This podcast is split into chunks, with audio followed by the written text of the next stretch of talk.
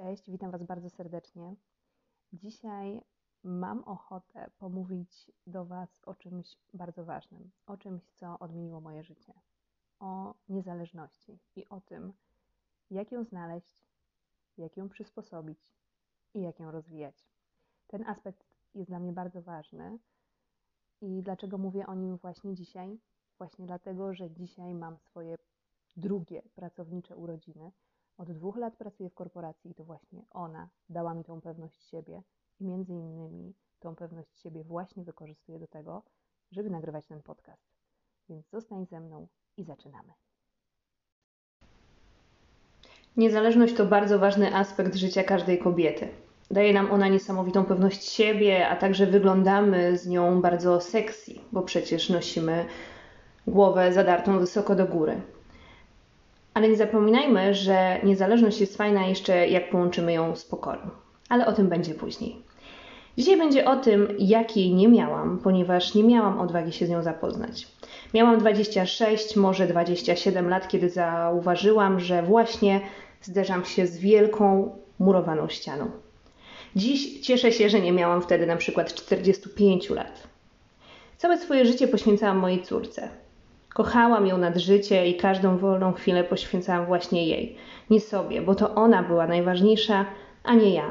Miałam pracę za najniższą krajową, ale wiedziałam, że mogę sobie na to pozwolić, bo jestem z moim mężem. Wtedy jeszcze mężem. Gdzieś w głębi duszy cały czas wiedziałam, że mogę więcej. Postawiłam wszystko na jedną kartę. Zwolniłam się z banku i otworzyłam własny biznes. Młoda kobieta, małe dziecko i raczkujący biznes.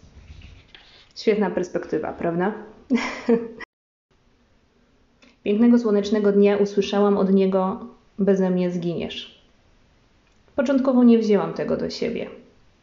Kiedy kolejny raz usłyszałam: Beze mnie zdechniesz z głodu, musiałam tego słuchać dokładnie dwa lata, żeby zrozumieć, że jedyne, czego mi brakuje, to niezależności Wtedy poznałam tą nazwę. Poznałam, jak to się nazywa, ale zupełnie nie wiedziałam, jak ją osiągnąć. Nie miałam pewności siebie. Nigdy bym nie nagrała takiego podcastu, jak teraz właśnie do Was mówię. Nigdy pewnie wcześniej nie odważyłabym się mówić publicznie o tym, że coś w życiu mi nie wychodziło. Teraz to umiem. Byłam wstydliwa, miałam problemy na przykład, żeby gdzieś zadzwonić. Naprawdę. Ja wstydziłam zadzwonić się na przykład do biblioteki, żeby zapytać, czy jest książka dla mojego dziecka. Normalnie byłam dzieckiem lat 27. Ci, co poznali mnie po kilku latach później, na pewno tego nie rozumieją. Na pewno ty, słuchając ten podcast, nie rozumiesz, dlaczego kiedyś byłam taka, a teraz jestem zupełnie inną kobietą. Ale odpowiedź jest prosta poznałam, co to znaczy niezależność. Los chciał, że na jednej ze stron www pojawiła się reklama książki Kamili Rowińskiej Kobieta Niezależna. Zamówiłam, kupiłam, przyszła. Choć ja, słuchajcie, totalnie nie lubię czytać książek. Powiem Wam szczerze, że to była pierwsza książka od dawien dawna, którą przeczytałam i którą polecam wszystkim moim koleżankom. Ten egzemplarz, ten pierwszy, dla mnie najważniejszy, nawet komuś pożyczyłam. Wiem komu. I ona również się zmieniła. Musiała na początku przeleżeć z dwa tygodnie na półce, tam nabierała mocy, aż nagle któregoś dnia, kiedy kolejny raz usłyszałam te słowa, których, których już nie chcę powtarzać, bo, bo nie chcę nikogo obrażać, a nie chcę też pamiętać, jak obrażano mnie, Wtedy wszystko się zaczęło. Rozdział po rozdziale zaczęłam otwierać szeroko oczy. Czytałam ją trzy dni. Tak, trzy dni. Ktoś taki jak ja, kto nienawidzi czytać książek, przeczytał jakąś książkę przez trzy dni. To było niesamowite. Ja codziennie otwierałam oczy ze zdumienia, że ktoś właśnie napisał o mnie. O mnie, o moich pragnieniach i o tym, o czym zawsze marzyłam. Te wieczne pretensje o brak niezależności spowodowały, że rozstałam się z nim i zadecydowaliśmy, że zamieszkamy oddzielnie. Z dnia na dzień zostałam na lodzie z tym raczkującym biznesem i małym dzieckiem. z wynajmowanym mieszkaniem i z pustym portfelem. Od czego zaczęłam? Już Wam opowiadam. Recepta nie jest taka trudna, ale wymaga od nas wkładu, no umówmy się, dość dużej pracy. Ale bez pracy nie ma kołaczy. Z racji tego, że prowadziłam biznes eventowy, a był styczeń, moja branża spała. Spał też mój portfel przy okazji, więc pierwsze trzy miesiące były bardzo trudne, były istnym piekłem. Ale poradziłam sobie dzięki moim bliskim, dzięki także niemu, bo zobowiązał się pomóc mi finansowo przy dziecku, więc było łatwiej. Ale kasy dalej nie było.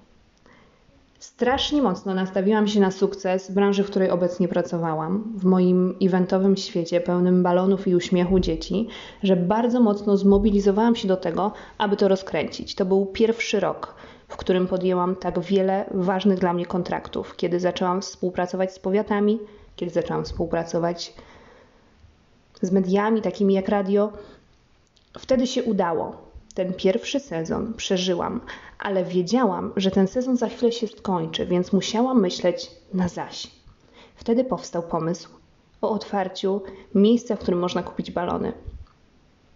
I to również się udało. I zdecydowanie ten moment otwarcia takiej mojej stacjonarnej placówki zajmującej się mm, eventami było spełnieniem moich marzeń, ale wtedy nieco przegięłam, troszeczkę za bardzo pogalopowałam i udało mi się utrzymać stacjonarnie przez rok. Po roku pewien mężczyzna powiedział do mnie: Słuchaj, to nie da rady, nie da rady stacjonarnie. Ten statek zaczyna tonąć i albo teraz coś zrobisz, albo on zatonie. Z racji tego, że praca e, na eventach jest bardzo pracą sezonową, pracujemy głównie w weekend, postanowiłam, że znajdę dodatkową pracę, dodatkową nogę finansową, która pozwoli mi pracować od poniedziałku do piątku i tam będę zarabiała takie pieniądze stałe, a moje eventy będą tak naprawdę pierwsza praca stanie się tą dodatkową pracą. I to się udało. Totalnie nie wiedziałam, kim chcę zostać. Ale z racji tego, że moja samoocena nieco się podniosła i miałam już łatwiejszy kontakt z klientem, postanowiłam, że zostanę przedstawicielem handlowym bo lubię kontakt z ludźmi, bo lubię jeździć. I oczywiście, oprócz tego, że zyskam pensję, zyskam też dodatkowe koszty związane z samochodem. To wszystko było przeliczone. To była prosta matematyka. Dostałam tą pracę. Poszłam. Totalnie nie wiedziałam, o co w niej chodzi. Ale na rozmowie kwalifikacyjnej zrobiłam tak piorunujące wrażenie, że dostałam ją bez totalnie żadnego doświadczenia. Dlaczego? Bo wiedziałam, że moja pewność siebie i niezależność może teraz góry przenosić. No i wszystko ładnie, pięknie, cudownie połączyły mi się te dwa biznesy, w których pracuję do dzisiejszego dnia. Bardzo się cieszę, że miałam odwagę zrobić krok w tył, żeby zrobić 10 kroków do przodu. E, co mam na myśli mówiąc krok w tył, to zamknięcie tej mojej stacjonarnej siedziby firmy, w, której, w którą wkładam tyle serca na co dzień. Chociaż ja bardzo cierpiałam. I to jest dziewczyny tak, kiedy napotkacie jakąś przeszkodę i naprawdę musicie, już wiecie, że musicie się cofnąć trzy kroki do tyłu, to pamiętajcie, że potem zrobicie 10 do przodu i nie żałujcie, dacie radę. Mm, ja bardzo cierpiałam, kiedy to zamknęłam. Bardzo. Mi się wydawało, że jestem do niczego, do kitu i, i że przegrałam z marzeniami. Nic bardziej mylnego, choć do dzisiaj nie wjeżdżam na olsztyńską starówkę zbyt często, ponieważ nie lubię tam być. Źle mi się kojarzy. Jakie mam plany na przyszłość? Mam, oczywiście, jak najbardziej. Ruszyłam e, do szkoły.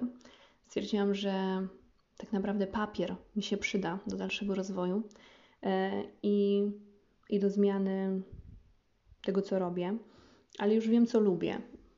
Lubię, lubię pracę z ludźmi, więc to już jest połowa sukcesu.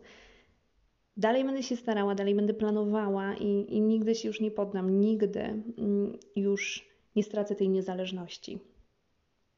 Kiedy teraz żyję obecnie z moim e, partnerem, z moim narzeczonym, to bardzo, ale to bardzo dbam o tą niezależność, bo wiem, że kiedy ją mamy, kiedy on wie, że ma kobietę niezależną, to ten nasz związek kwitnie.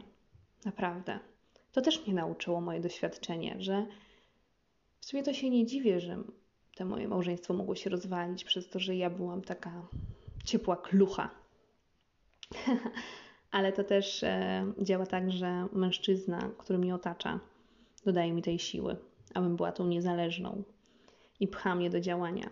I kiedy dostaję negatywny komentarz na temat podcastu, to mówi, że bo zwariowałeś, że będziesz się tym przyjmować, że jesteś rewelacyjna. I to dodaje mi skrzydeł i to, to sprawia, że również jestem niezależna, więc nasi bliscy też na pewno nas bardzo dobrze w tym wspierają.